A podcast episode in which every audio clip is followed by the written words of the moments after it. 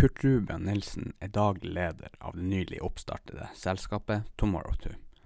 Han har lang erfaring innenfor IT-bransjen, og han har jobba for selskaper som Seritel Tele, Avendi, Funn, Fagtrykk ID, Athea og Statoil.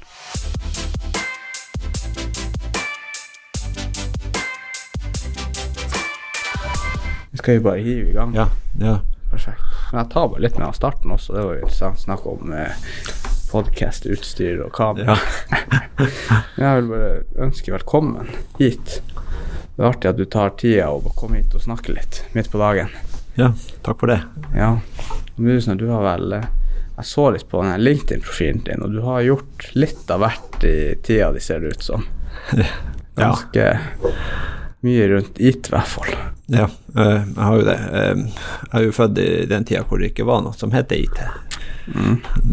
Ja, da, første, eh, første jeg var borti av IT, var jo en eh, ZX81. Jeg vet, ikke, jeg vet ikke om du har hørt om den?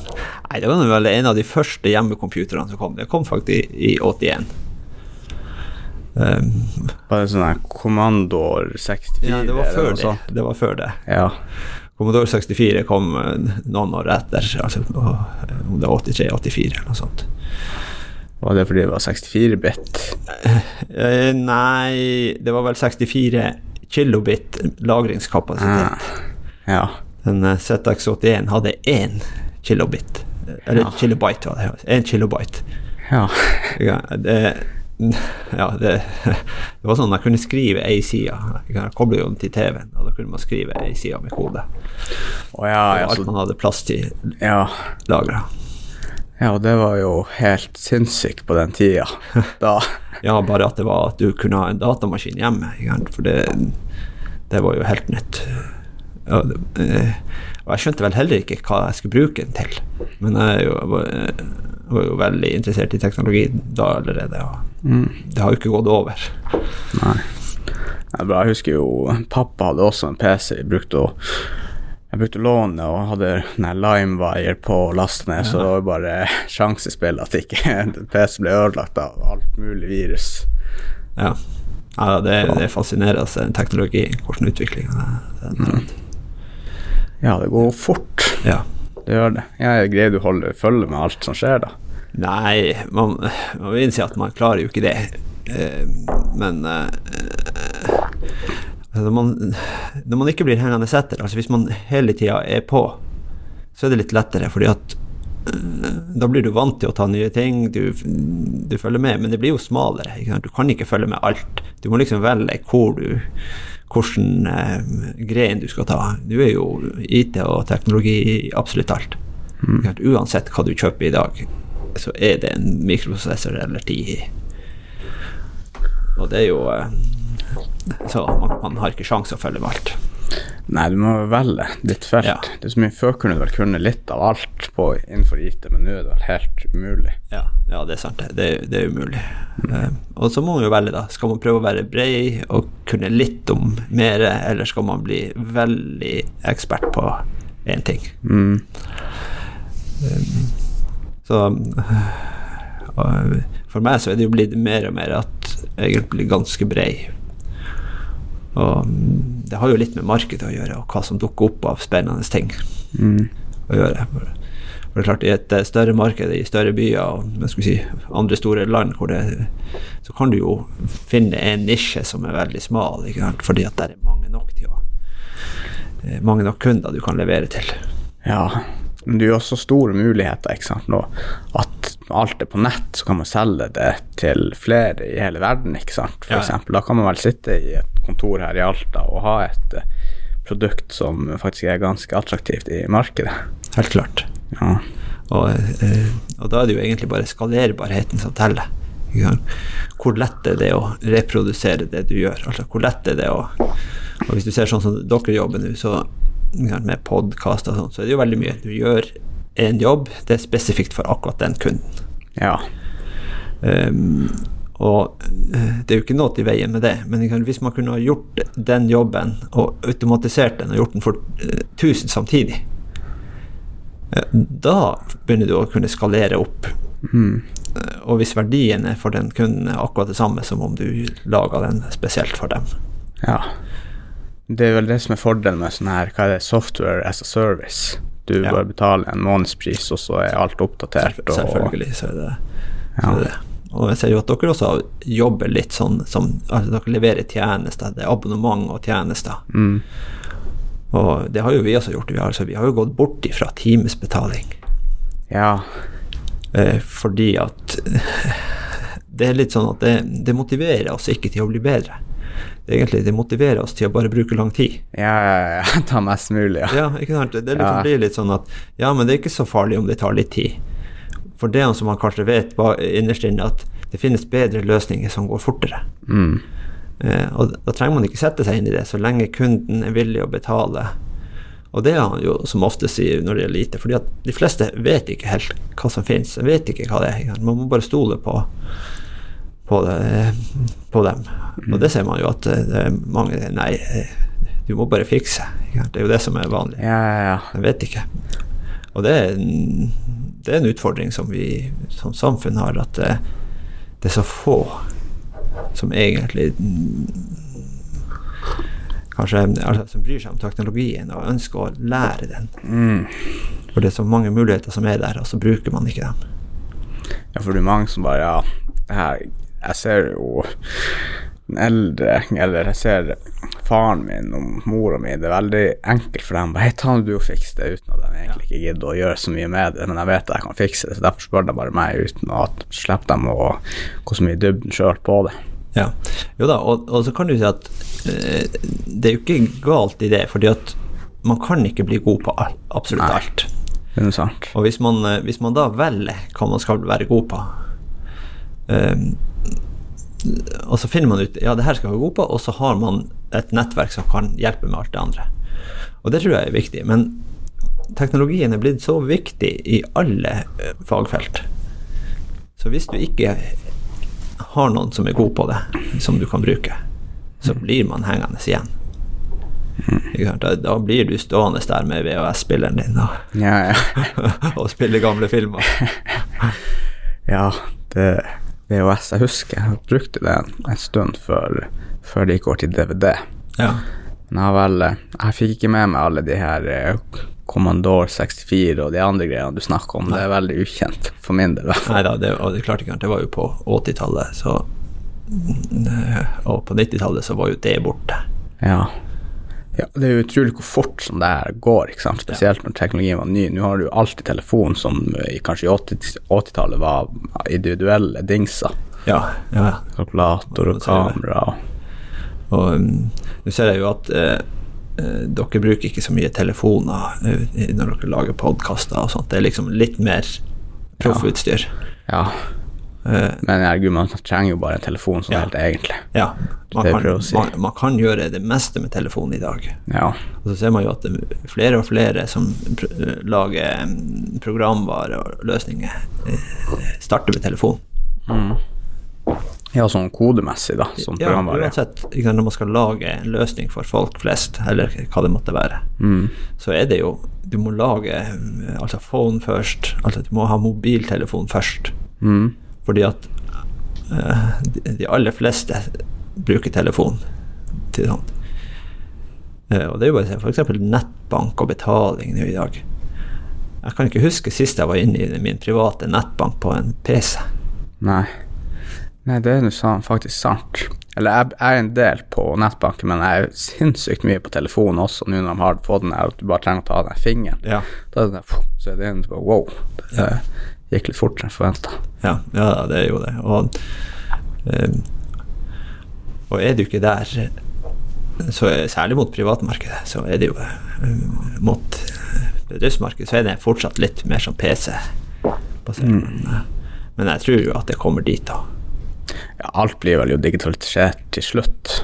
Ja, sånn. Men det er vel når bestemor og dem, ikke sant, når, det, når de, de her tradisjonelle løsningene går bort, så blir det jo veldig vanskelig for dem, og de blir jo helt avhengig av eksterne for å fikse alt med bank. Ja, bankene, bankene har jo eh, gått liksom foran og, og gjort en del ting. Rydda litt vei, og de har jo bomma litt også mange ganger. De har gått litt fort. Altså gått litt fortere enn en brukerne og markedet. Ja.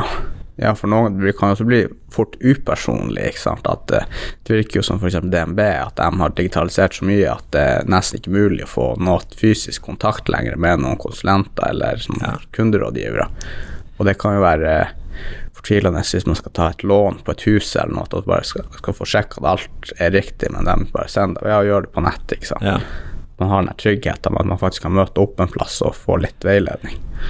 Jo, det, er jo- det er jo det, og det ser man jo uh, at uh, det der med en del tjenester i hvert fall som er litt mer um, jeg skulle si dyrt, altså større tjenester, så er det jo veldig greit å ha noen man stoler på.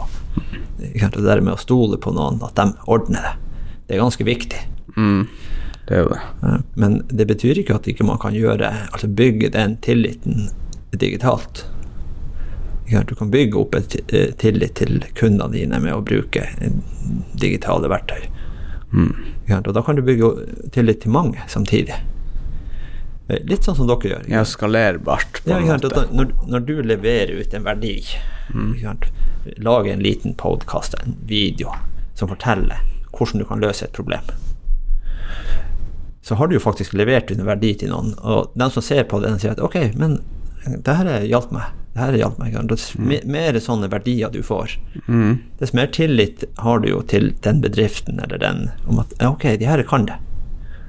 Det kan, Ja, være, det, kan, det kan være at du ikke du har behov for det akkurat nå, men plutselig så står du der og har behov for det, og da har du liksom Ja, da husker man det. Ja, da det der, man de, plass. de, de kan litt om det, de kan det der, de tror jeg er gode på det.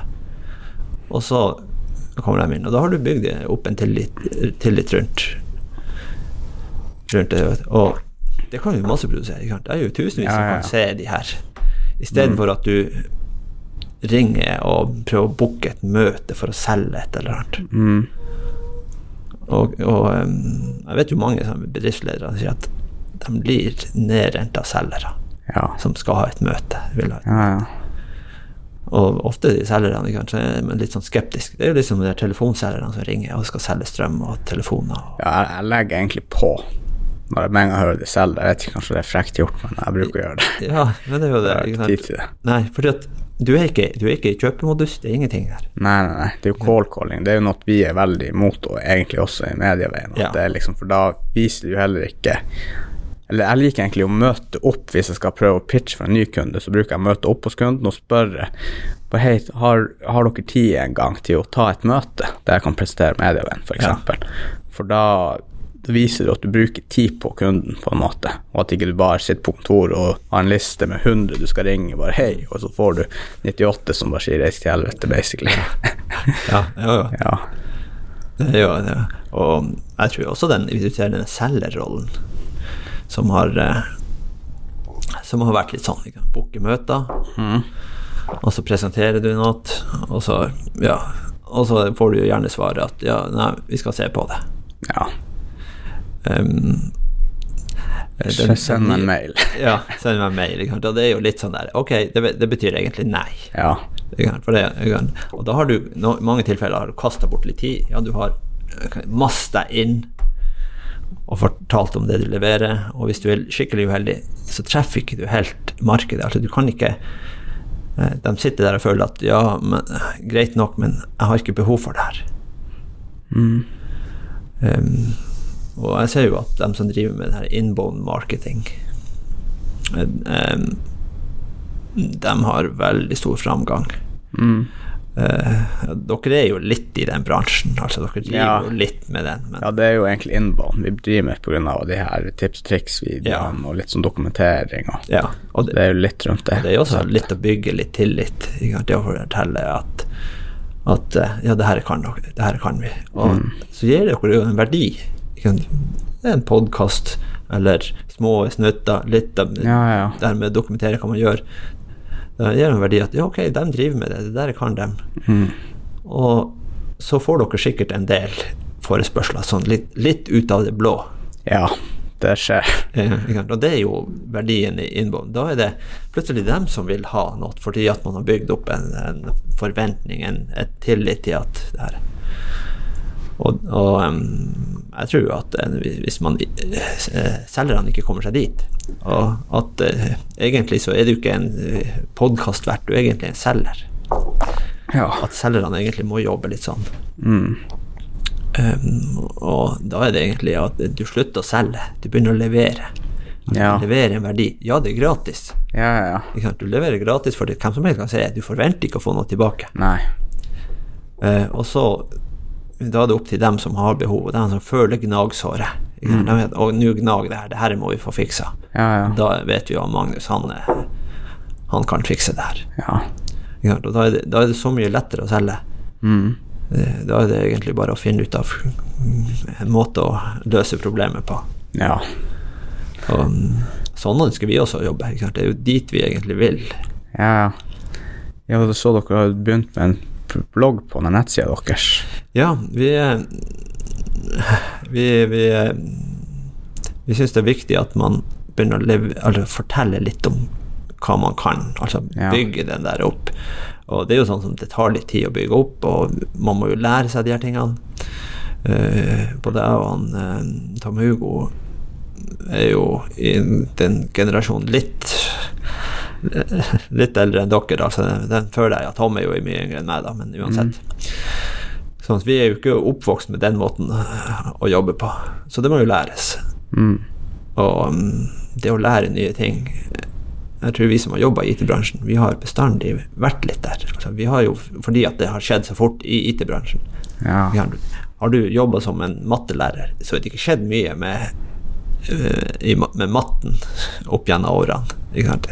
Det er Ja, det fortsatt er to pluss pluss og minus, Ja, pluss, ja, ja. To pluss to er fortsatt fire. Mm. Uh, ja, det har vært noe med pedagogikken og sånt, men det er sånne der små endringer. Men innenfor IT?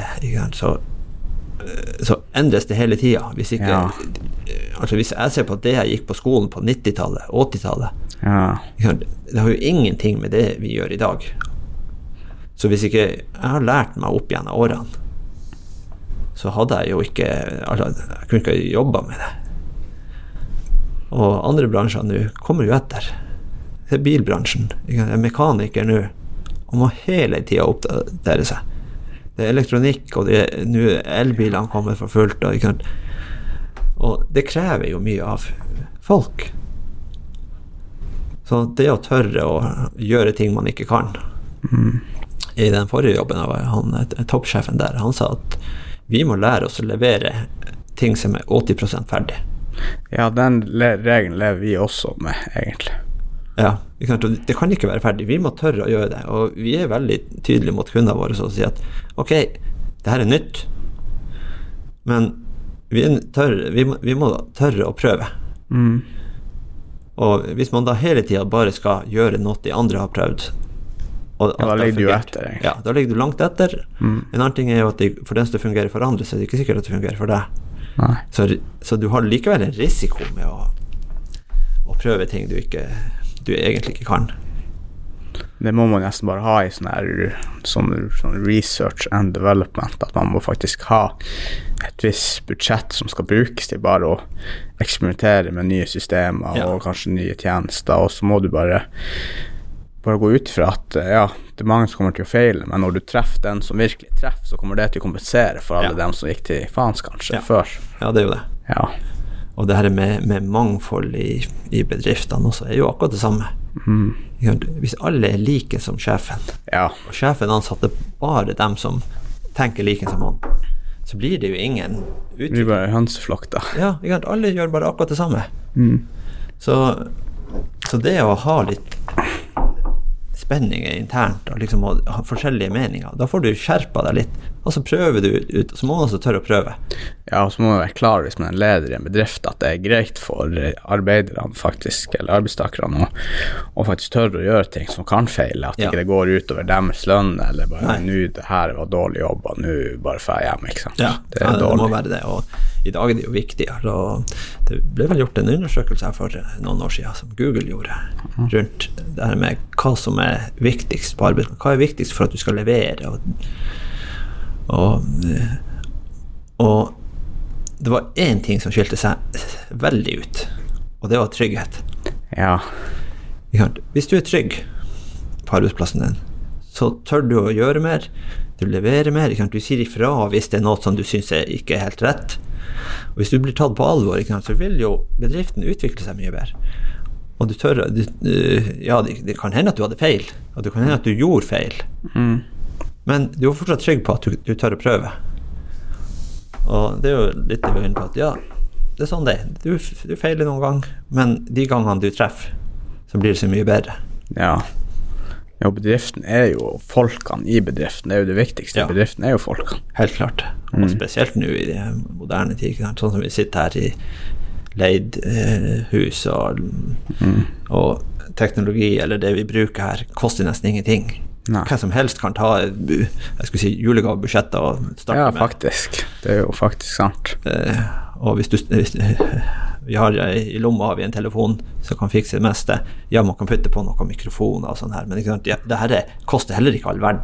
Nei, jeg tror den koster 1000 kroner, den her, her, her. Hele Ja. her, og så koster den her 900. Ja. Så da er det 2000 per de her, 4000, og så kan du kjøpe en enda billigere sånn her til en tusenlapp eller to, så Ja. har du 6000, så kan du bare Så har du telefon som kamera, så er du der. Og det ser det, det du sier er jo veldig riktig, fordi jeg ser jo For eksempel, jeg bruker jo TikTok litt, og der ser vi jo at eh, der får jo folk sånn 10 millioner likes, eksempel, på en video, og 15 millioner likes, og hvor mange visninger får de på de videoene, ikke sant. Og alt er jo filma på telefon. Ja. Så det har egentlig ikke noe å si. Jeg vil si at du får, du får bra nok kvalitet på telefonen til å gjøre egentlig alt det du skal gjøre i dag. ja. Men lyden er jo et stort pluss hvis du har en liten myggmikrofon på, på telefonen som du har her. Ja. Da tar kvaliteten og drastisk forbedrer seg.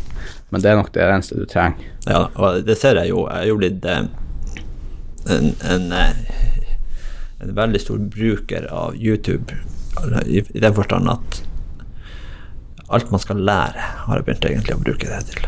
Altså, jeg lærer det meste der. Ja, ja. Jeg har til og med slutta med eh, For bare et år siden så var jeg veldig tilhenger av de her eh, opplæringstjenestene.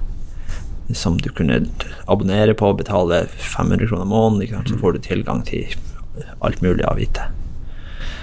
Eh, Men jeg har slutta med dem også, ja.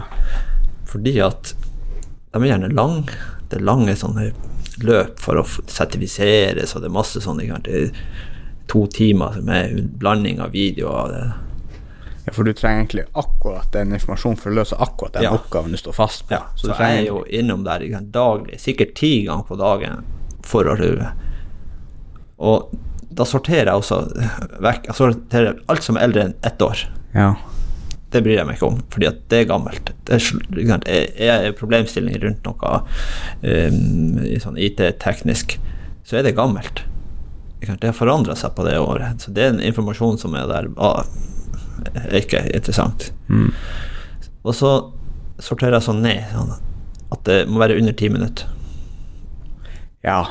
ja men jeg ser jo Jeg ser de her videoene bare Just explain it, eller noe sånt Ja. her, som sier De går rett på sak, for det er mange videoer som er sånn her Skal ha fire minutter med intro, og så Ja. et halvt minutt med faktisk eh, løse selve problemet du søkte på, og så fire minutter avslutning. Ja. Så noen videoer er sånn her bare Just say it to me, eller hva i helsike, da. Ja, ja, det er jo det som er. Og, og derfor så er det så Og så den der vi var innom lyd.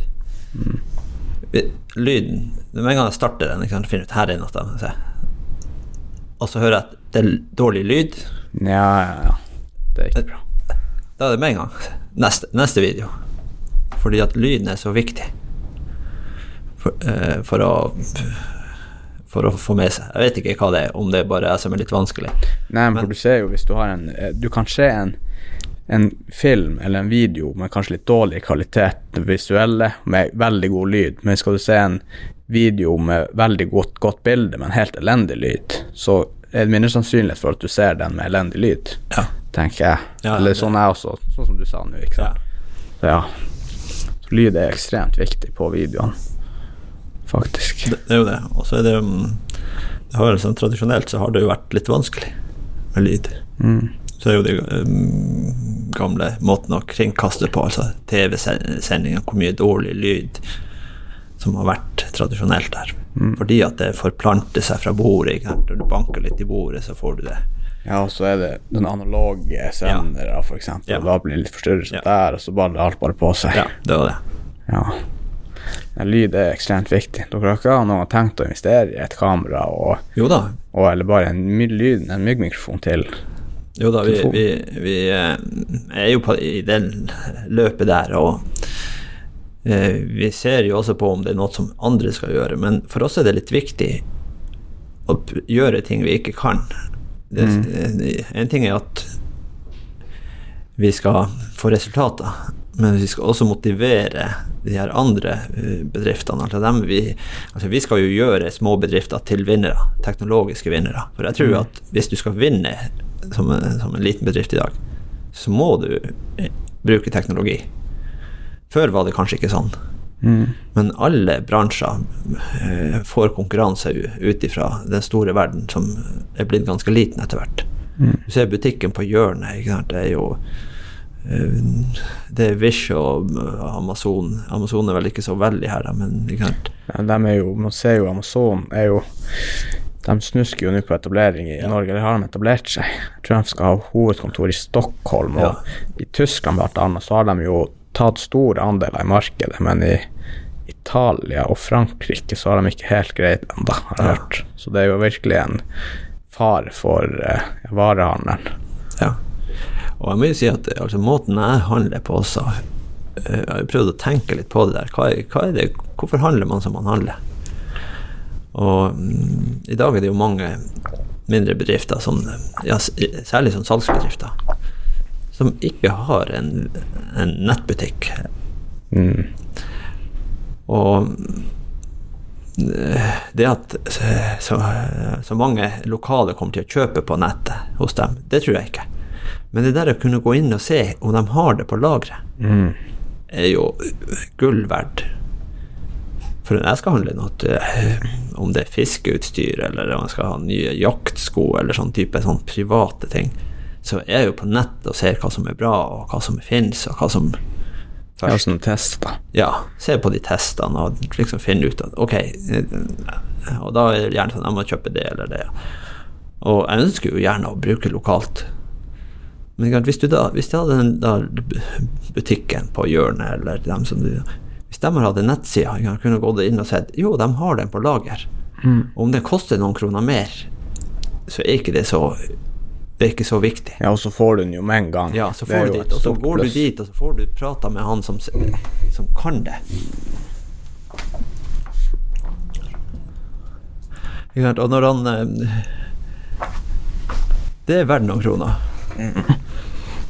Ja, selvfølgelig så blir du sammenligna. Du ser at ja, ok, ja, det koster jo faktisk 200 kroner mer. På nettet kunne han fått den fra XXL for 2000, og han skal ha 2002 eller 3. Så er ikke det noe problem for de aller, aller fleste.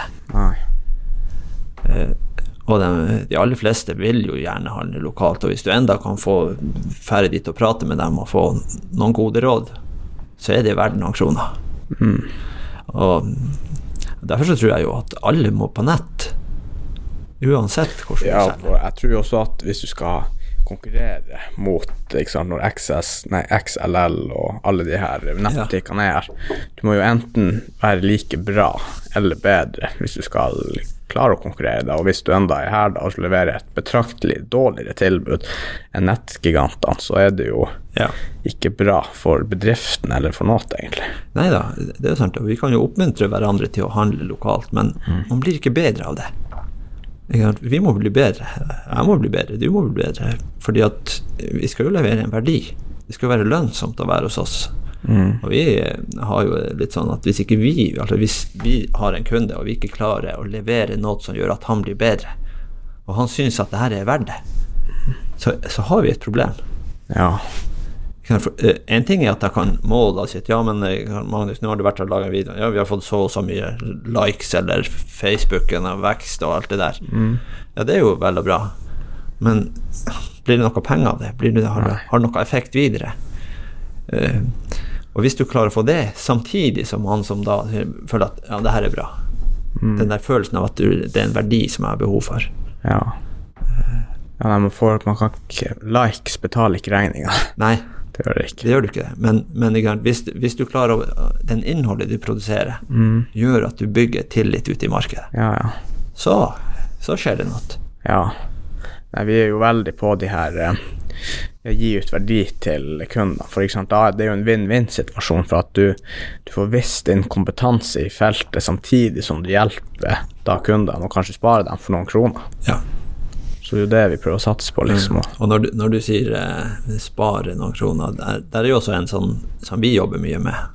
Og det å flytte den her eh, IT den, fra en kostnad til en investering i å tjene nye penger. Mm. For hvis du ser historisk på det, så det første de gjorde med datamaskinene på kontoret, det var jo å skrive brev og et regneark og regne ut ting. Og du gjorde jo ikke noe annet enn det du gjorde på kalkulatoren. Og det- var jo en kostnad. Det var jo administrativt. Og administrative ting er, jo gjerne Det genererer ikke noe inntekt. Det er liksom bare noe du må få gjort unna. Men hvis du klarer å flytte den her IT, eller teknologien, ut i produksjon, at det kan effektivisere så Hvis du plutselig får flere kunder så På markedet så er det jo ganske Der er det jo skjedd veldig mye. Men også for, på produksjon. Hvis, eh, sånn som vi som setter opp systemer altså vi, vi, til, vi eh, Det vi egentlig gjør for å levere verdi, er jo gjerne å finne de gode løsningene for kundene. Vi finner rette systemene, vi setter dem sammen, og vi lærer dem å bruke det. Sånn at de liksom kan effektivisere det de gjør. Enten med at man gjør ting fortere, eller kan sette ny verdi på det produktet de har. Um, og da eh, er du jo kommet dit at det blir sånn at dess mer du, penger du bruker på IT, dess større blir inntektene dine. Altså du flytter Ja, det fra en kostnad til en Ja, inntekt. Ja. Og, og da begynner det å bli interessant. Og hvis det, du også Magnus, kan komme dit at hver gang de, du kommer inn døra, eller de ser at du kommer, så vet de at oi, nå blir det mer kunder. Nå blir det mer Det er jo det som eh, ja, det er jo drømmen. Ja, det er jo drømmen. Det er jo dit man vil. Mm.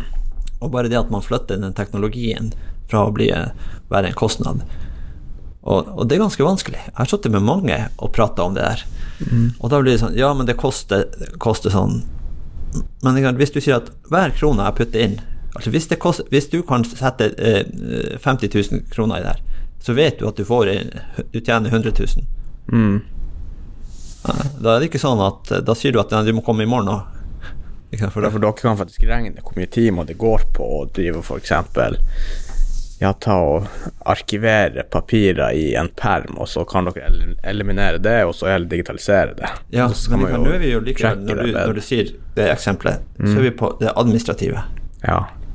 Det jo, ja, du kan få det til å bli mer effektivt. ja, Men hvis du flytter IT-en ut og får den til å automatisere det du gjør, eller den produksjonen? Hvis du er en snekker, og så bygger du takstoler, hva som og så har du en robot som tar seg av den og begynner å bygge der. Ja, da sparer du kanskje altså, Du får produsert dobbelt så mye som når du hadde én mann til å gjøre det. Og hvis markedet er der, så sier de ja, men jeg kan ikke få en robot til. ja, Ja, markedet er der. Det er Liksom bare Ok, men hvorfor ikke tre? Hvorfor ikke fire? ja, ja. Fordi at øh, kostnadene Når du først har lært opp én robot Du kan bare Kopiere det. kopiere det. Det er litt sånn som du gjør i skyen med programvare. Når du først har laga det, sant? om du har én kunde eller om du har 1000, Mm. eh, så har du likevel laga det, og du kan kopiere. Og når du kan begynne å ta, gjøre det med fysiske ting, altså begynne å få roboter til å gjøre det Mm. uh, og nå er det jo klart, roboter er jo litt, litt langt ute for de fleste. Men det er imponerende hva roboter kan i dag. Ja, vi ser jo blant annet Komplett og XXL mener jeg har samme eh, system. Hva jeg tror leverandøren heter 24 Shop eller noe sånt. Der har de jo nesten automatisert 90% av lageret. Ja. Alt er roboter som henter ut de varene på en eller annen måte, og så Ja. effektiviserer dem. Ja, de har ekstremt effektiviserte system, ikke sant, så at det tar sinnssykt fort. Ja. Det så vi også XXL nå i De ble jo en sånn koronavinner i korona. og de hadde, siden de allerede hadde så bra infrastruktur lagt ned på de her lagrene, så var det ingen problem for dem når det kom en bølge med kjøp på Ja. nettsida deres, å få det ut. ikke sant. Ja. Jo Og derfor er det jo, hvis du ser skytjenester Du sier en dag ja, du må ut i skyen i dag for å uh, Og der er jo et eksempel på hvorfor du må ut. mm. Fordi at da kan du skalere. Det er jo det som er fint med programvare. Når du leverer programvare, da er det jo mye mer eh, skalerbart enn enkeltprodukter, eller f.eks. mitt konsept som medieveien. Da må jeg egentlig skalere med folk, siden det faktisk må være arbeidere ute og faktisk lage det her innholdet. F.eks. ta bilder da og filme spesifikt. Ja, jo da, du, du er litt der, men eh, vi har jo egentlig det eh, samme, at vi egentlig må være ute og gjøre Ja, vi må være folk. Men så hvis man ser på hva gjør vi? Altså, vi gjør jo mange ganger? Vi setter opp systemer, vi trykker oss gjennom masse sånne Ja, man skal sette to systemer. F.eks. skal økonomisystemet eh, eh, snakke med eh, produksjonssystemet, altså du, eller salg, eller hva det måtte være. Og da må man sette opp de her tingene. Eh, hvis man da har i bakhodet at dette skal vi skripte Når vi har Ja, hva det, vil si, da? At, ja, at dere automatiserer den ja, vi handlinga? automatiserer den. Ja, stemmer. F.eks. Office 365, som veldig mange bruker, eller nå heter det Microsoft 365, med Teams og alle de her. Det er jo gjerne at ja, det må settes opp, det må det er DNS-er og MX-rekorder og masse alt som skal gjøres. Og så har jo Microsoft gjort det sånn at ja, du kan trykke deg igjen OK, OK, trykk, velg. Men du kan også skrive et skript som gjør det. Sånn at hvis jeg har vært hos deg og gjort det her, og så sier jeg at ja, det her ble jo veldig bra, og så har jeg samtidig laga det skriptet, um, da kan jeg jo bruke det, gjenbruke den der. Og så slipper jeg liksom å gjøre det. Og så- men så er det litt tilpassing. Men han kan, han, skal, han kan ikke ha det sånn, han må det sånn. Og da endrer du i skriptet. Ja, Sånn da, får, da har du et skriptbibliotek som du kan gjøre. En annen ting er jo også at når du da har rulla det ut ganske mye fortere enn du ville ha gjort, og når du da tar pris per jobb eller per det du leverer, ikke per time For hvis du tar per time, så når du skripter det, så går jo inntjeningen din ned. Ja. Verdien for kunden er akkurat like høy, men du tjener ikke noe på det. ja. Men det gjør advokatene. Når de, de skriver ferdig én ting, ikke sant, så bruker de den om og om igjen, så tar de 20 timer for det uansett. Ja. Men vi, vi har jo gjort det at vi tar ikke timer. Nei. Vi sier heller at uh, vi gjør det sånn, og det som vi også gjør, det er jo at vi leverer også litt den herre Altså hvis vi sier at ok, vi må finne ut av hvordan vi kan løse utfordringa di. Det kan være rundt systemer som ikke snakker i lag, eh, eller man gjør noe manuelt. Og så finnes det jo så mye uti der som kunne ha brukt. Problemet er at hvis du ikke kan teknologi, så klarer ikke du å vurdere om den er bedre enn den.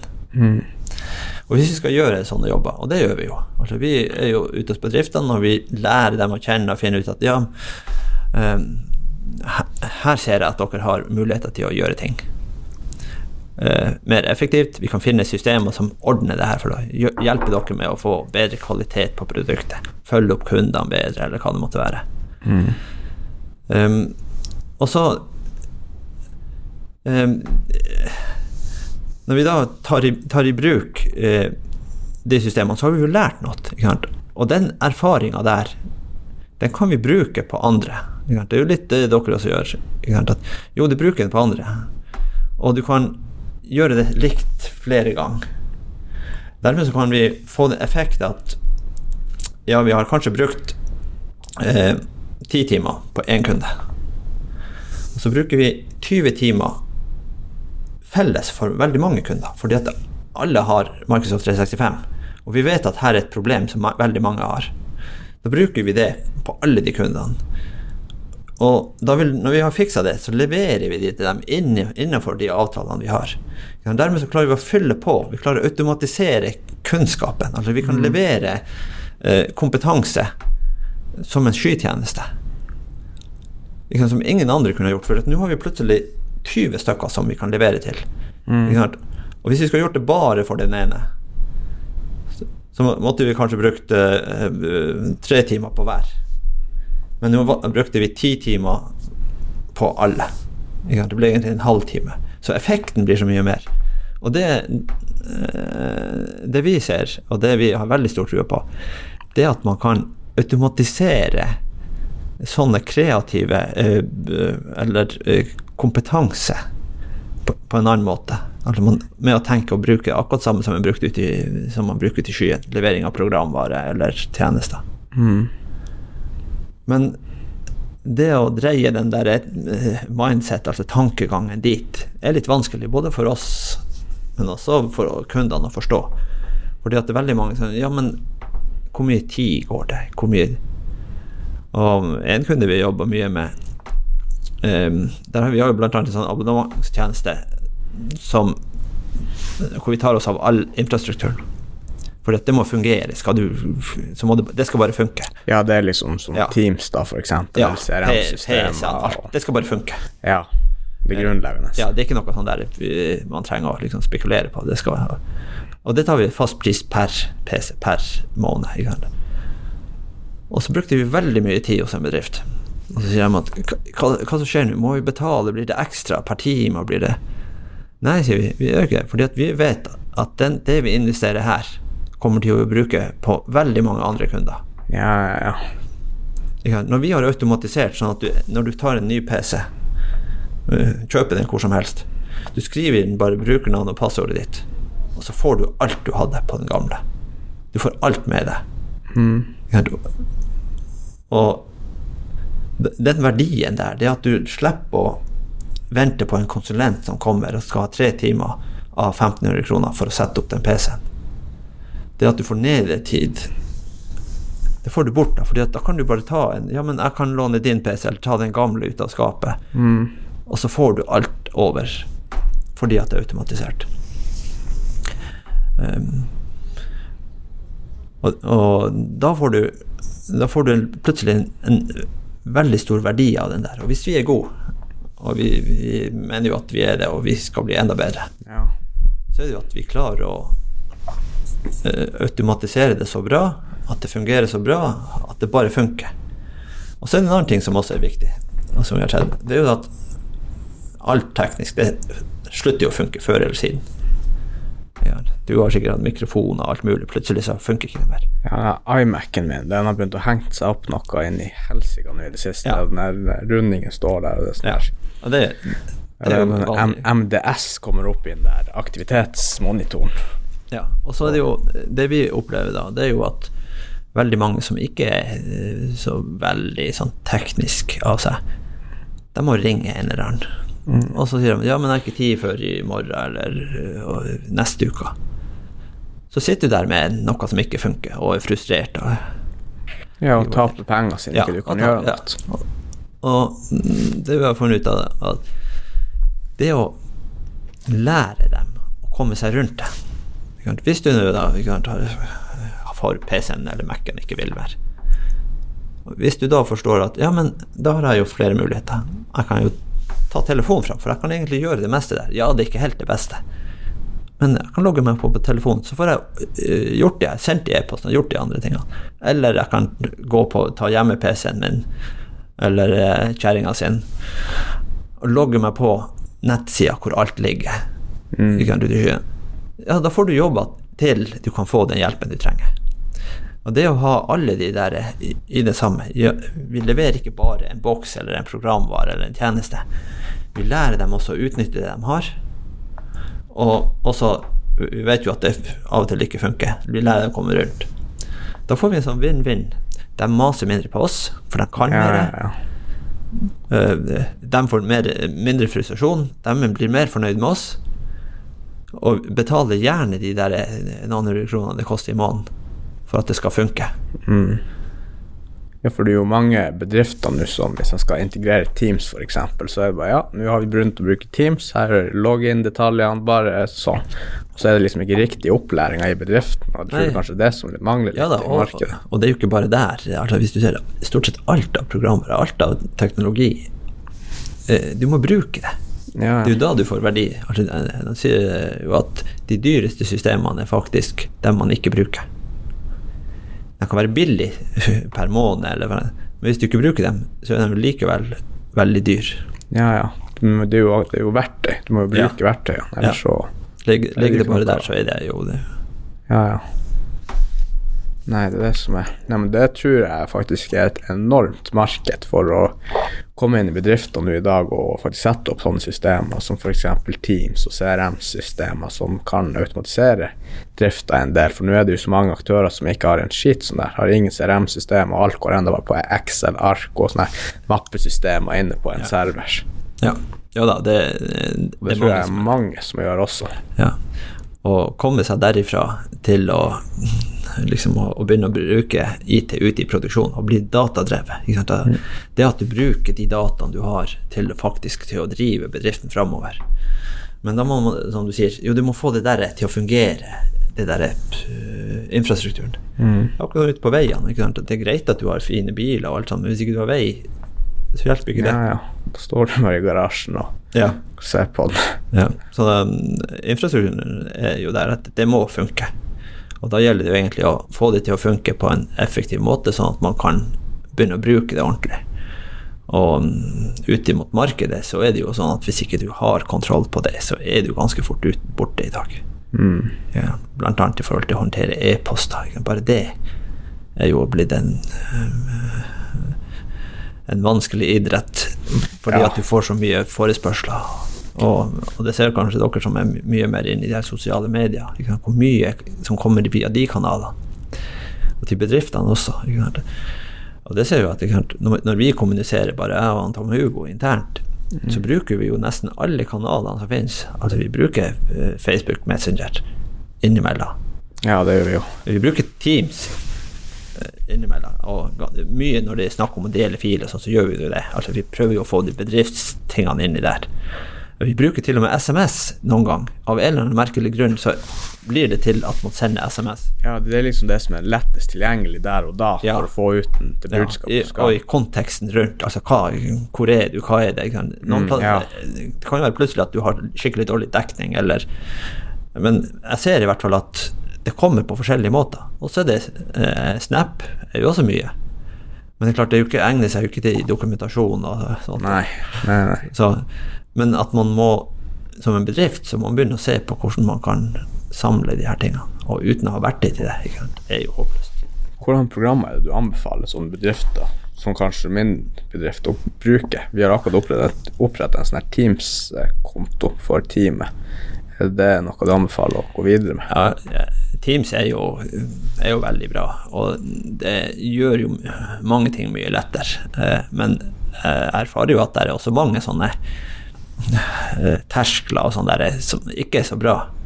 Men internt i bedrifter er jo Teams eh, fantastisk i forhold til mye av det gamle som var, sånn som SharePoint, som var mange som ville ta i bruk. Men det, var jo, det er jo helt håpløst for ikke-teknologer.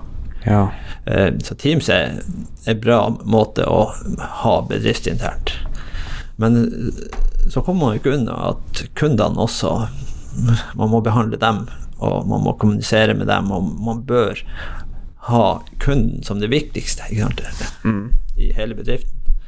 Og jeg mener jo at kunden er eh, altså Kundeservice, det er det som egentlig avgjør om du kommer til å leve eller ikke. Det er å ha en god kundeservice, også i forhold til leveranse. Og, og eh, det var en vis mann som sa jeg, husker Jeg er dårlig å huske hvem som sier mye sånn, men det at overskudd, eller det at du tjener penger, er et biprodukt av god kundeservice. At hvis du leverer god kundeservice, så blir det mer eller mindre automatisk overskudd av det. Så spørs det også hvordan strategi du har som bedrift. Hvis man har en strategi å få markedsandel og heller reinvestere alt hele tida. Jo da, det det, er jo det. selvfølgelig. Ja. Det er jo mange som gjør det sånn at de, den overskuddet, det man tjener penger på, det putter man inn igjen for å vokse, for å bli større, for å gjøre det. Og hvis man har en ambisjon om å utrette noe Vi har jo en ambisjon eller en visjon eller misjon eller hva du kaller det, Ja. om at vi skal gjøre små bedrifter til teknologiske vinnere. Altså Vi skal gjøre dem til vinnere, for småbedriftene er faktisk de mest effektive. Det er lite overhead, du har ikke masse direktører, masse administrasjon som skal ha masse penger. Sånn som hos dere, ikke sant? og hos oss. ikke sant? Så, så går jo mesteparten av tida går jo til å produsere. ja. Altså ut Det er ikke, det er ikke mye sånn eh, analyser, du sitter i direktørstolen og, og Nei, tenker. nei, tar sånn, ja. Nei, Ja. det er veldig Så den- effektivt. Du ja. sitter ikke i møter hele dagen. Du Nei, uten- gjør hele tida noe. på Ja, som er produksjon. Og hvis du ser ser eh, de her guttene i, i gravemaskinene og, og de her små bedriftene sånn som vi har mye av i Alta, som leverer godt, de produserer godt, de tjener penger. Det er ikke mye kontorarbeid, det er ikke mye administrasjon. Nei. Ikke? De gjør det nødvendige regnskap og det som skal til der. Og det er de jo også flinke De setter jo bort det fordi de gjør ikke det. De gjør det de kan. Og Så smart dere hjelper jo sikkert også veldig i Ja, det ja. der. ja det at man bruker de, Systemer. sånne systemer for å fikse alt det der andre. Uh, og derfor er jo småbedriftene uh, Derfor må de få inn teknologi, dem også. Mm. De store eh, er jo flinke til å ta det etter hvert, og det har jo starta på den administrative, men de har jo gjerne noen som er ansatt til å Ja, de har ressursene tilgjengelig. Og så kan du si at eh, eh, de ressursene blir jo en slags administrativ kost. Det betyr igjen at de må ta mer betalt for det de her guttene på gulvet gjør. Mm. Særlig hvis det er timespriser, så ser man at de store bedriftene Ja. tar skyhøye timespriser sammenlignet med de små. Mm. Og de, klarer, de store klarer ikke å konkurrere med å levere til de små. Um, og hvis du ser innenfor bygg, bygg så ser du at småhusbygg altså Hvis du skal bygge deg et hus i dag, så går du ikke til eh, Skanska og de her store entreprenørene. De klarer ikke å levere småhus konkurransedyktig. Da er det de her tomanns snekkerbedriftene som kommer.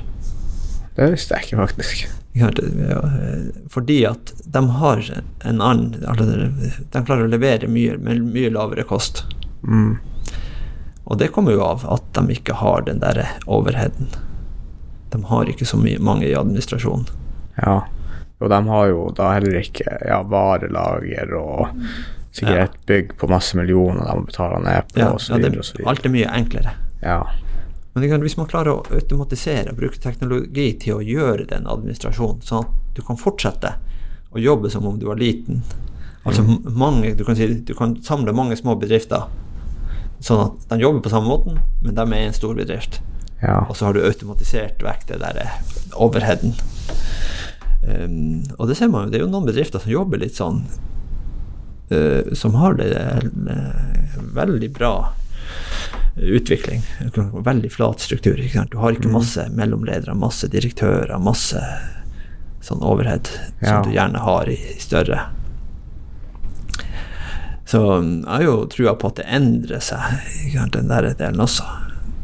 ja, må tenke nytt, Ja. slett. Ja, og så vet du jo, ikke sant, sånne små, sånn som dere og oss, ja, vi kan jo snu på dagen, finne ut. Ja, det er jo et stort konkurransefortrinn. Ja. Det er ikke byråkrati. Kan gjøre ting når du føler for det, egentlig. Ja, og hvis du har en lang beslutningsvei, hvis du måtte ha rapportert til en over deg, som igjen skulle ha rapportert, og så skulle Gå opp til et styre som det sitter fem andre som skal gjøre det her, Ja. ikke sant? og da er du gått en uke allerede. Ja, ja, ja, og, og så er det jo ikke, de har jo ikke tid nå, ikke sant. Ja? Så går det to måneder før du har fått funnet ut om du skal forandre litt på. men det tror jeg også handler om eh, Hvis du har over 51% av selskapet, så kan du egentlig jobbe Da kan du snu deg like fort uansett hvor stor bedriften er, siden da har du liksom enerett på alt du skal gjøre. Jo da, det, det er jo sant det, men, men likevel, ikke sant? når det blir så mange mennesker i det, så skal jo Det hjelper ikke at du sier at du skal endre det. Mm. Eh, alle de ansatte må også være motivert til å gjøre endringer. Ja. Og jeg ser jo da jeg starta med teknologi, så var jeg jo veldig sånn teknologifiksert. Det var liksom teknologien. Folk var bare noe Ja. Ja, ja, ja. Ja, den var bare i veien. liksom operere alene av Ja, teknologien. uten- men jeg ser jo etter hvert, og det, jeg vet ikke om det har med alderen å gjøre, eller om det har med at teknologien har utvikla seg, så ser jeg jo at uten menneskene der, så er teknologien verdiløs. mm. Og at man er kommet mer dit at ja, man må faktisk tilpasse teknologien hvordan menneskene tenker, hvordan menneskene gjør. Ja, det beste er nok hvis man greier å jobbe i lag Ja. med teknologien. Det så vi jo med Tesla. De automatiserte litt for mye på de, noen av de fabrikkene, og da ble det stopp, for det ble for mye problemer. Men så fant de ut at samhandlinga mellom de robot og mennesker, det var liksom det beste resultatet på sluttproduktet. Ja da, det er jo det. Og, og vi mennesker er jo sånn at vi liker ikke hvis det blir altfor mye nytt, for da blir det for ukjent. Altså vi kjenner oss ikke igjen, vi føler oss utrygge. Ja. Eh, Sånn at vi kan ikke endre for mye på en gang. Og det ser man jo opp gjennom ja, stegvis. ja, historien eh, når det kommer nye versjoner av program. Og, Ja, ja, spesielt på Facebook. Hver gang det kommer noe nytt, sånn her Facebook-layout, så er det bare helvete. Det her, jeg likte jo det gamle. Det her er mannskitslag. Det er masse sånn her Ja. Hat den nye Facebook-designgrupper rundt omkring. Ja. også. Men uansett så blir det det. ja, det er det. Det er bare naturlig for Og mennesker. hvis du ser hvordan bilprodusentene har gjort De kommer jo gjerne med en sånn konsept-car. Det er som er helt Her er den nye eh, Audi-modellen. Mm. Den ser helt sånn Det ser ut som en romskip. Ja, ja, ja. Ikke sant? Og alle sier nei, det der går ikke an. Det der går ikke an. Og så, når de da kommer med den, så er den ikke nært så mye. Den bare endrer lite grann. For da har de liksom laga en forventning at oi, nå kommer det noe nytt. Øh, Ja, ja. Og så trekker de det ned, ja. så føler de ja, men det, det her det kan vi leve med. Ja, ja, ja. Ikke sant? Så du liksom Ja, ja, jeg skjønner. Det er litt sånn psykologi å få folk til å tenke at vi, oi, nå blir det endring. Ja. Og så blir det ikke så stor endring. for du gjør dem bare klar til å verste verst tenkelige scenario, men så bare Nei, det var ikke det vi tar. Litt, litt Ja. mindre, så bare Ok, greit. Det, det var greit. Ja. Nei, men spennende å følge med på alt som skjer. Det går jo så fort, ikke sant. Det går bare fortere og fortere og fortere. Ja. Til slutt sitter vi her med sånne mikrochips i hodet og Ja, det vi er, googler ting. ja, vi er ikke langt derifra. Jo, nå allerede har vi begynt å jobbe med AI, altså kunstig intelligens. Ta i bruk det.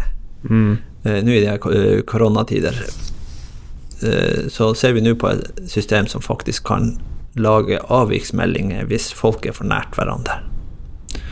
Men det er jo også farlig med sånn her eh, personlig frihet og alt det der. Jo da. Eh, Det er det jo. Eh, Men, men hvis, hvis det er AI som gjør det, som, som finner ut du har, Det er et kamera, men det kameraet, det er ingen som ser på det. Det er ingen som ser bildene. Mm. AI-en se- måler bare avstanden mellom folk. Og hvis, det da, hvis jeg og du da sitter for nært for lenge, så kommer det bare opp en melding at i det her området Her har det vært en hendelse at to stykker har vært for nært hverandre. Og tankegangen er da at da skal du få altså Hvis du da oppdager at ja, men i løpet av et døgn så det har vært 17 hendelser akkurat her i det området, kan vi gjøre noe med fysisk eller for å hindre at folk kommer så nært akkurat der? Ja, det her er da et tilfelle i sånne koronatilfeller. Ja, men det er jo men det, kan, det du oppnår da En ting er jo at du i tilfelle at det skjer, at du skal spore det, men her hindrer det jo smitte.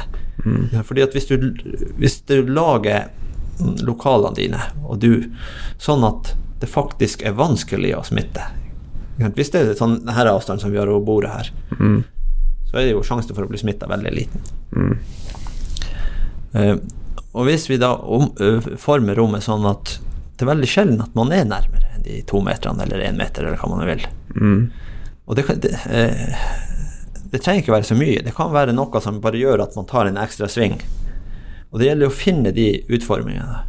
Og hvis man da kan bruke AI til å si at her er det et problem, her er et problemområde, så kan man sette seg ned Ja, men hva skal vi gjøre her nå for at vi ikke, det ikke skal oppstå? Må vi lage en slags uh, hinder der, en sperre, et eller annet? Så kan man prøve. Ja, men vi setter bare en blomsterpotte der. Kanskje de ikke stopper der. Kanskje folk går på, en står på den sida, en står på den sida. Ja. Og så ser man jo Ja, hva skjedde nå når vi setter en blomsterpotte? Men, men tror du det kommer til å vare så lenge at uh, man begynner å integrere sånne tanker innenfor nybygg? Med tanke på virusspredning spesifikt. ja, men det- ja, om det er nybygg, men jeg tror jo at det her er med, med virus Om korona, vi får kontroll på den, så kommer det en ny korona en eller annen gang. Ja, en annen variant. Sånn at man må nok tenke at det her er man må, man må ordne seg sånn at man at man sikrer seg mot smitte mye bedre enn man har vært vant til. Og hvis man da kan bruke f.eks. Uh, kunstig intelligens til å passe på at man ikke har bygg eller områder som som er, er sånne smittefeller. Mm. Og det kan man annet bruke en sånn system til. For da kan du si at ja, men se nå her, nå har vi øh, Den målt- trekker bare sånne hotspots, basically. Ja, Ja, der kan- hvor folk samler seg Ja, du kan jo for eksempel Ja, men her tror jeg at det er et problem. Så setter du opp systemet, Mm. og så har du den der i 14 dager, og så sier du at ja, i løpet av de 14 dagene så ser vi at her har det vært 27, her har det vært sånne altså risikoområder. Mm. Du trenger ikke si uh, hvem det er, eller den vet ikke hvem det er. Og du får ikke se filmen. Nei. Du får bare at her er det et problem. Og så kan du gjøre tiltak. Fordi at Ja, det kan være at det var kaffemaskin. Alle sto rundt kaffemaskinen. Kan vi gjøre noe med den kaffemaskinen som gjør at når han går inn til kaffemaskinen ene, han som står bak, må holde seg litt lenger ifra? Kan vi lage noen slags lur anordning? Så kan man prøve seg litt fram. Med noen enkle grep. F.eks. en blomsterpotte. Det tar ikke lang tid å flytte en blomsterpotte fra den ene veggen til den andre. Ja. Og så ser man hva skjer. Ble det bedre? Ja, det ble kanskje litt bedre. Kanskje må vi gjøre mer Da tiltak. kan vi gjøre endringer. Ja, det. Små endringer ofte med å bruke den der, fordi at da vet du. Du kan jo selvfølgelig anta at det er der. Mm. Ja, kaffemaskin kan være et problem, men du vet ikke. Nei. Hvis du da kan eh, få noe tall på det, og du kan måle og se at ja, nå funker det, nå funker det ikke. Er det noe Bruker dere noe AI i de kundeoppdragene dere har i dag, f.eks.? Ja, nå jobber vi med en sånn case. Ja, dere gjør, gjør det akkurat det sånn her? Ja. Å ja, kult. Elsker Men da er det liksom kamerasensorer dere bruker hovedsakelig, eller er det telefoner? Nei, Da? det, det er det kamera, og det er også skytjeneste. Det, det som er det at i de nye kameraene, en del av dem, så har du en sånn en chip som er, kan håndtere AI, altså kunstig intelligens-chip. Og så er det en tjeneste bak ute i skyen. Det den har lært, det er den, altså, er den som egentlig har sett på så mange filmer og lært å måle avstand mellom folk. Ja. Og så sender den bare da de ja, instruksene til den chipen og sier at sånn her skal du behandle den videostrømmen. Og da har den egentlig lært det der, og da kan den rapportere hver gang du får en hendelse. ja.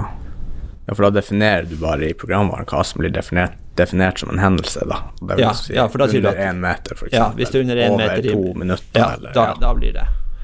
Og så da får du opp den lista bare med området, og da ser du også på videoen hvor er området. Altså, der er området. Du ser ikke dem som, folk som er der, du ser bare området hvor det er. Men blir den dataen lagra? Selve råfilene da? Nei, altså, videoen? nei, videoen blir ikke lagra. Den blir ikke det. Den, blir, Nei. den sporer bare dataen, og så Ja, den bare videoen ja, for den chipen tar egentlig den Ja, ja, den konverterer det bare til rå data. Ja, det, altså det jeg er interessert i. Den ja, tar ikke ja, noe skjønner. Um, og jeg syns jo, når man kommer, begynner å bruke den type teknologi til å bli bedre, og for, for reiselivsbransjen eller serveringsbransjen, så er det jo avgjørende at du klarer å ha lokale som ikke er smittefarlige. Ja, du kan si at ja, smittesporing er greit hvis det har skjedd noe, men da er det jo for seint. Ja, det har aldri skjedd. Ja. Og hvis du da kan ha i din internkontroll at jo, vi har faktisk målt risikoen for å bli smittet i rommet, og sagt at den er veldig lav. Fordi at vi har gjort tiltak. Vi hindrer Vi har ikke noen sånne der vanskelige punkt. Vi har ikke noen Og det er jo, det er jo en sånn eh, visjon at dit ønsker man å komme. Mm. For en av dem som vi jobber for, eh, har det der behovet. I forhold til eh, at de, de driver restaurant. Ja. ja, for det blir jo kanskje Ja, så er det jo strengt når det er en restaurant, ikke sant, så må Ja. du ha alle de kravene. Men da, da utformer dere egentlig bare det her systemet ut ifra kravene myndighetene stiller til Ja, restauranter. Jo, det, men det er ikke noe sånt krav. I dag er det krav Nei. om at du skal notere om, altså, i smittesporing. Ja, og det eh, ruller vi ut nå i, i de her dagene, en som baserer seg på trådløst nett. Mm. At du får egentlig altså, Er du stamkunde, så er det sånn at hver gang du kommer inn der, så har du kobla deg på nettet. Ja. så får du ut en liste. Sånn hvis, hvis da kommuneoverlegen sier at «Ei, vi må vite i, forrige uke på torsdag mellom klokka syv og, og, og fredag klokka seks hvem som har vært der, Mm. så tar du bare ut det der fra lista over hvem som har telefonnummer. De her har vært her. Og logga det digitalt, rett og Ja. Og det, fordelen med det kontra en sånn der En ting er å gjøre det på lappa, men du kan også gjøre det sånn at du eh, elektronisk går inn og trykker deg inn. Problemet er at du vet ikke når du gikk ut, Nei. og så er det jo Det blir litt mye styr. Og hvis det er sånne plasser som du er kanskje eh, ofte, eller innimellom, Ja. så har du gjerne kanskje den Du har kanskje kobla opp til uh, wifi-nettet allerede. Noen er jo veldig skeptiske til det, mens andre igjen er veldig glad i å få gratis nett overalt. Ja, men det er jo absolutt en fordel å ta det der på din egen telefon, for at jeg syns det er jo litt sånn her morsomt hver gang man skal ta og skrive ned de her navnene og telefonnumrene, så bruker jo alle den samme penna som Ja. alle andre har brukt, så da er det jo Ja da. blir man jo syk uansett. Ja, ja, du ser jo at eh, den nye smittesporingsappen eh, Den første ble jo kasta i søpla pga. Ja. Ja. personvern. Ja. Eh, Så har jo både Apple og, og Google laga et nytt rammeverk som skal være bedre i forhold til er mer sikkerhet. ja, og, og håndtere de dataene på en annen måte. For Apple er vel veldig sikkerhetsorientert, og at det er liksom en av de fordelene hvis du bruker et Apple-produkt, at de tar sikkerhet mer på alvor. Ja, det, Har de i hvert fall markedsført ja seg sånn. det, og det er jo sant, I og med at dem eh, Apple har jo mye større kontroll på alt. Google er jo open source. Jo, Android er jo en open source-plattform. Ja, Så hvem som helst får jo tilgang til kildekoden og får jo eh, men er ikke det bedre, nesten? Ja, fordelen er jo det at da er det så mange som bidrar til at det skal bli bedre. Det- ja, Hvis du er god å programmere, og du sier at her var det dårlig programmert et eller annet, så kan du endre det og sende det inn og si at sjekk den her, og så er det noen da, som, i systemet da, som finner ut at Eller som sjekker om det er bra, om den skal ta det i, i bruk. Sånn at uh, open source er jo uh, det, det er veldig stor uh, Altså, du får mange til å se på det og utvikle det videre. Så det er jo en slags samfunnsmaskineri, ikke sant. Ja. Og mm, Microsoft har jo blant annet den nye nettleseren. Baserer Edge. seg Ja. Ja, den den baserer bruker seg på, heller ikke. den baserer seg på eh, Chromium, og Chrome Ja. er jo open source. Ja. Så nå har jo Microsoft begynt å bidra inn i den, istedenfor å ha sin egen, helt egen. Så bidrar de med programvare inn i den, samtidig som alle de andre gjør det. Ja. Ja. Eh, Men er, nei, er ikke, det, er ikke det bare en ny navn på Internett Explorer? nei, det er faktisk Chrome. Det er det. Ja. Det er Chrome, eh, Chromium-basen. Det er Ja. bare grensesnittet som er Vi har Chromium, hva det egentlig er? For jeg har Chrome, det vet jeg er, men Ja. Chromium, det er en ting som bare Det er motoren. Ja, det er motoren. Det er motoren ok. til nettleseren. Ja. Den tar Hvorfor tar Chrome mye mer prosessorkraft enn andre nettlesere? Eller er det bare en myte? Hvis du ser på eh, Veldig eh, mange av de andre er jo også Chromium. Ja. Opera, Vivaldi Ja. det, det er Chromium bak der. Men eh, de trimmer den. De, du kan jo velge hvilke funksjoner du skal ha med. Når det er open source, så har du jo egentlig hele kildekoden. Det er liksom noe som Unreal, Unreal Engine til sånn spillmotor, at, en, eh, at Ja. alle kan bruke én motor til å lage sitt spill, da? Ja, det er egentlig litt det samme. Og så bidrar de til at alle bidrar til at den skal bli bedre. Mm. fordi at det er så krevende. Så er det dumt at alle, eh, eller så mange som skal konkurrere om å lage den samme. Og når du får 40 000 folk og jobber på ett produkt, kontra at 1000 jobber på hvert sitt Ja. produkt, ikke sant? Ja, ja, det, får er du jo en ekstremt mye mer fremgang. det er jo det som er med open source. Så er det, så, ikke det er så mange flinke folk ute der Ja. som kan bidra. Jeg har jo hørt at det er mange som får betalt veldig, veldig bra på å distribuere til sånne open source-koder på nett. At bedrifter betaler dem for å fortsette å utvikle Ja. koden. Blant annet. Er mange store bedrifter, sånn som Microsoft og de her, de er jo avhengig av at det fungerer, den her open source-delen. Og det er klart, dem som bidrar mye, eh, får jo gjerne sånne sponsinger. Ja. det, egentlig, det er ikke det at du får lønn, men fordi at du har bidratt så mye, så, dem, så vil de gjerne gi deg For de penger for at de skal tjene rått på det. Ja. De tjener vel sinnssyke penger på at de tjener litt penger. Ja, men det er jo bare de aller flinkeste som gjør det. Det er jo sånn Ja, som i gamingverdenen også. Du ser de her som er virkelig gode og, og streamer, og de tjener jo også rått. Ja. Det er du er jo et marked. Det er et marked. Men du, jeg, jeg, skjønner litt derfor at eh, jeg ser heller på en sånn her eh, Battlefield én match på YouTube enn en fotballkamp. Det er mye mer interessant for meg å sitte og se på noen andre spill enn å se på Ja. en fotballkamp, f.eks. Ja, og, og, og vi gamlingene, vi forstår ikke det der. Nei. Eh, men eh, yngre forstår det, fordi at kan, eh, når man er oppvokst med gaming og den, så har man helt annet forhold. Da blir det Mm. Ja, litt sånn der fotballforhold til. Ja, egentlig. Det er bare en annen greie, på en Ja. måte. Nå, e-sport er vel mye større enn vet, Fotball er vel størst i verden. Det er vel sikkert to milliarder som ser på de VM-ene. To-tre Ja. milliarder. Men de e-sport det begynner å ta seg ganske opp. Jeg tror de har mye større pris nå i e-sport enn de har i tennis og mange av de her tradisjonelle Ja. sportene.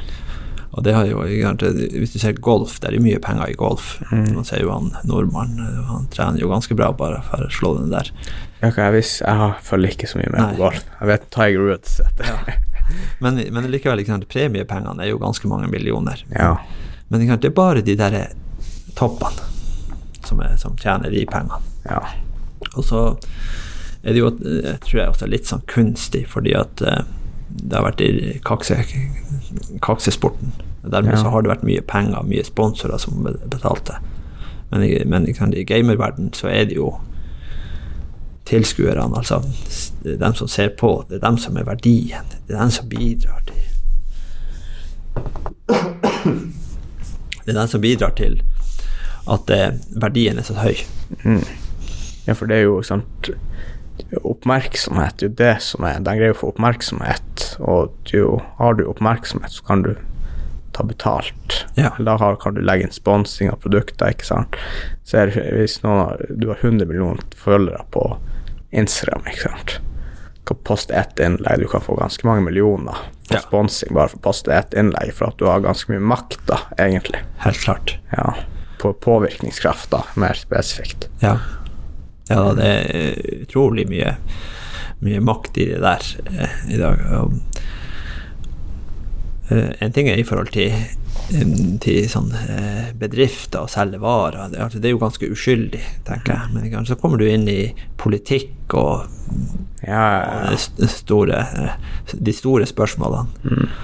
Og det ser man jo allerede at det har skjedd, sånn som da den derre eh, Cambridge Analytica-skandalen.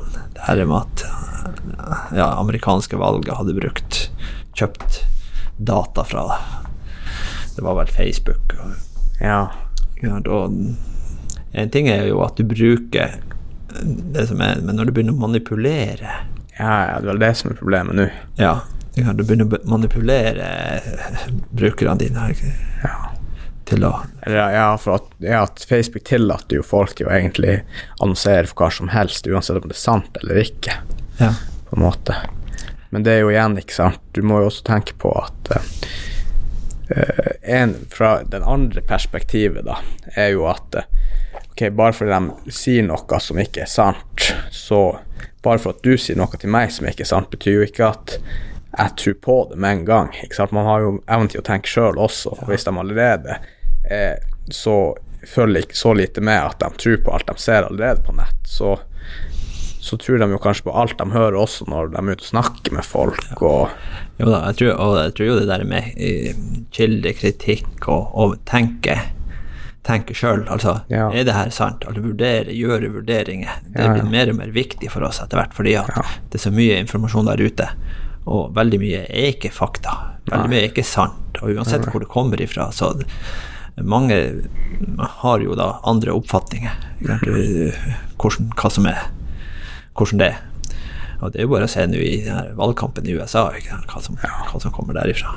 Men det er for da setter du litt på kartet hvor for hva er, skal du egentlig tro på? For at når du ser på en CNN-rapport fra en sånn her debatt fra f.eks. Trump og Biden, og så ser du på en Fox News-rapport, da, Ja. så er det liksom så forskjellig at det er akkurat som at de rapporterer to helt forskjellige ting. Mm. Og uansett om ja, at fleste kanskje er på CNN, sånn i teknologibransjen, at det er litt mer venstrevridd, så, eh, så så får ikke du en objektiv eh, Du får ikke noe objektiv fra en CNN-rapport, fordi ja, og mesteparten som jobber i CNN, er jo sånn på venstresida, så absolutt alle artiklene du får fra enhver sånn jeg side, er har en bias i seg. Det ser vi annet hvis Dagbladet og VG poster noe om Trump. Jeg tror ikke jeg har lest en eneste positiv ting om Trump. Ikke at jeg sier at Trump er den, den kanskje skal være president i USA, men de har ikke med noe som han har gjort bra også. De utelukker det helt. Absolutt alt de skriver. Trump tapte, Trump ble humiliert ned, fornærma og flau, og ja, at de liksom De trykker han så mye ned uansett hva han gjør. Ja. Så da, for, da tenker jeg bare hm, hvordan gjør de det her med andre saker som kommer opp i Dagbladet? Hvordan gjør det, ikke sant? For Dagbladet er jo venstrevridd uansett hvordan du ser på det. Ja, og, jo da, og det, det Jeg tror nok at at den gamle måten å informere på, hvor du har presten som forteller det som er sant Ja. I dag har du jo millioner andre som forteller historien på en annen måte. For nå kan jo alle komme ut via sosiale medier. Ja, ja. Og, og dermed så er det jo opp til oss at vi balanserer. At vi er litt kritiske, at vi sjekker. Ja, ja. Det du leser i Dagbladet, eller om det er Fox News, eller hvor det er. Sjekk nå med den andre sida også. Vær klar over det. Hvis man er klar over det, så er det mye lettere å, å, å vurdere hva som, ja, Ja. hva som er rett, og hva som er galt. Og jeg anbefaler absolutt ingen til å hente sin informasjon fra Fox News, i hvert fall. Ja. men det er bare det, ikke sant, at uh, saker, ikke sant, det er jo Du må bare se for deg hvor det kommer ifra, og så må du analysere alle, alle de her artiklene og rapportene. Så det er akkurat som uh, Dagens Næringsliv og det E24 er jo også veldig venstrevridd, så all informasjon du får der, har jo en liten del av det også, som man må tenke på. Og det, eh, hvis du ser historisk på, på dagspressen, så var det jo aviser for parti. Ja, og ja. Sånn som Finnmark Dagblad, det var jo Det heter vel Arbeiderbladet eller noe sånt. Ja. Altså Arbeiderpartiet som, som styrte den. ja. Nå i de siste årene, eller moderne tid, så har de jo så sier de at de er partiuavhengige, og de skal prøve å være balansere det. De har jo ganske sånne strenge retningslinjer, men, men likevel eh, så er det jo en slags kultur i organisasjonen, og det er jo Klart. det. Er jo det. Du, du kan være helt ubevisst til det store Ja, liksom. ja da, for det er jo dem du henger med hele tida, og Ja. ja. kultur, som du sier. Og, ja, og derfor så er det jo eh, viktig å liksom få, få høre samme historien fra flere. Mm. Man skal ha en helt objektiv sånn nyhetskilde, men det er litt, veldig vanskelig å få Ja, tak i. det, det tror jeg nok man, man kommer ikke dit. Nei.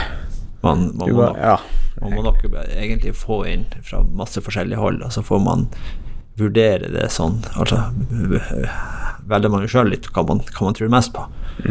Men uh, å være kritisk til alternativer, det, det er nok en veldig sunn måte å tilnærme seg det her. Ja.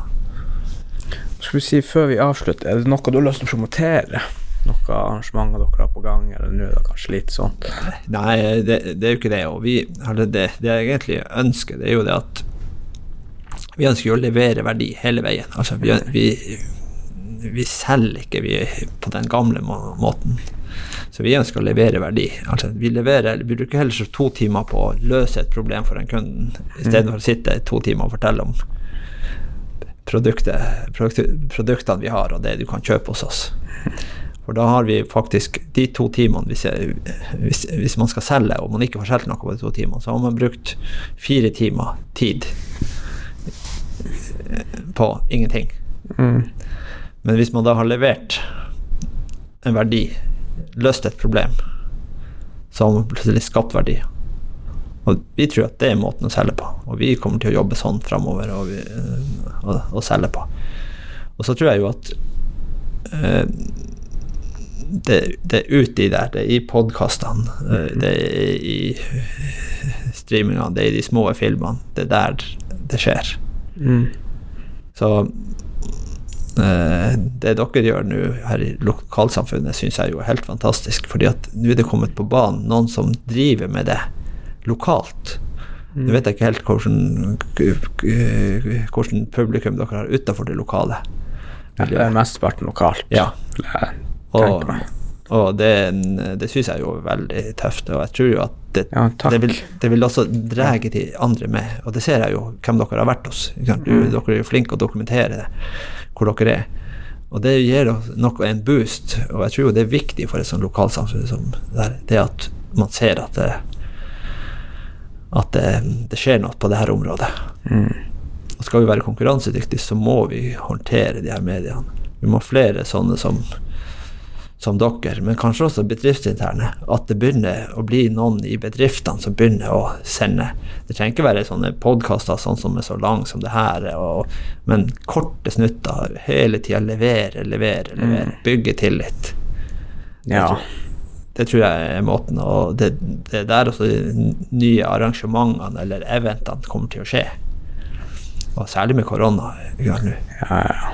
så, er det, så er det det å håndtere, klare å håndtere det her. Så um, det er nok der vi kommer til å vises mer. ja. Uh, uh, fordi at vi kommer ikke til å selge på den, på den gamle måten. ja, ja. vi kommer til å eh, jobbe på denne måten. Eh, Vi tror at vi treffer mye flere relevante kunder her enn vi gjør om vi, vi tar den gamle metoden. Det er fordi at eh, vi vil ha bedrifter og eh, folk i bedriftene som er motivert til å endre seg. Som er motivert til å si at ok, vi må gjøre noe. Vi kan ikke bare si at å nei, å nei, nå kommer Amazon og tar oss. ja, ja. Vi må, vi må bli vinnere. Ja. Det er jo en perfekt avslutning. Og jeg tenker, hvis noen skal ha kontakt med dere, så går de bare på tomorrow2.no. Ja, tomorrow2.no eller på, i sosiale medier, så, så finnes vi. Og forhåpentlig etter hvert så blir vi mye bedre, sånn at eh, det organisk også dukker opp. At når de begynner å søke på de problemstillingene som de har, Ja. at vi dukker opp der. ja. Da har du bare å kjøre på med sånne blogginnlegg og tips og triks, men det er et Ja helsikas liv å drive og skrive de blogginnleggene. Det, Det er litt slapp på det i det siste, ja, det skal jeg ærlig det, innrømme. Det, er det er en ny måte å jobbe på. Ja. Men det, det, det er sånn man Jeg tror i hvert fall at det er den måten man skal selge på etter hvert. ja, absolutt. Men perfekt, da avslutter vi bare med det. Ja, Tusen takk for at du tok tida å komme hit. ja veldig interessant å sitte og prate om det var hyggelig. alt. Og, Veldig interessant samtale, faktisk. Fikk lært mye nytt jeg ikke hadde peiling på. ja, i like måte. Ja.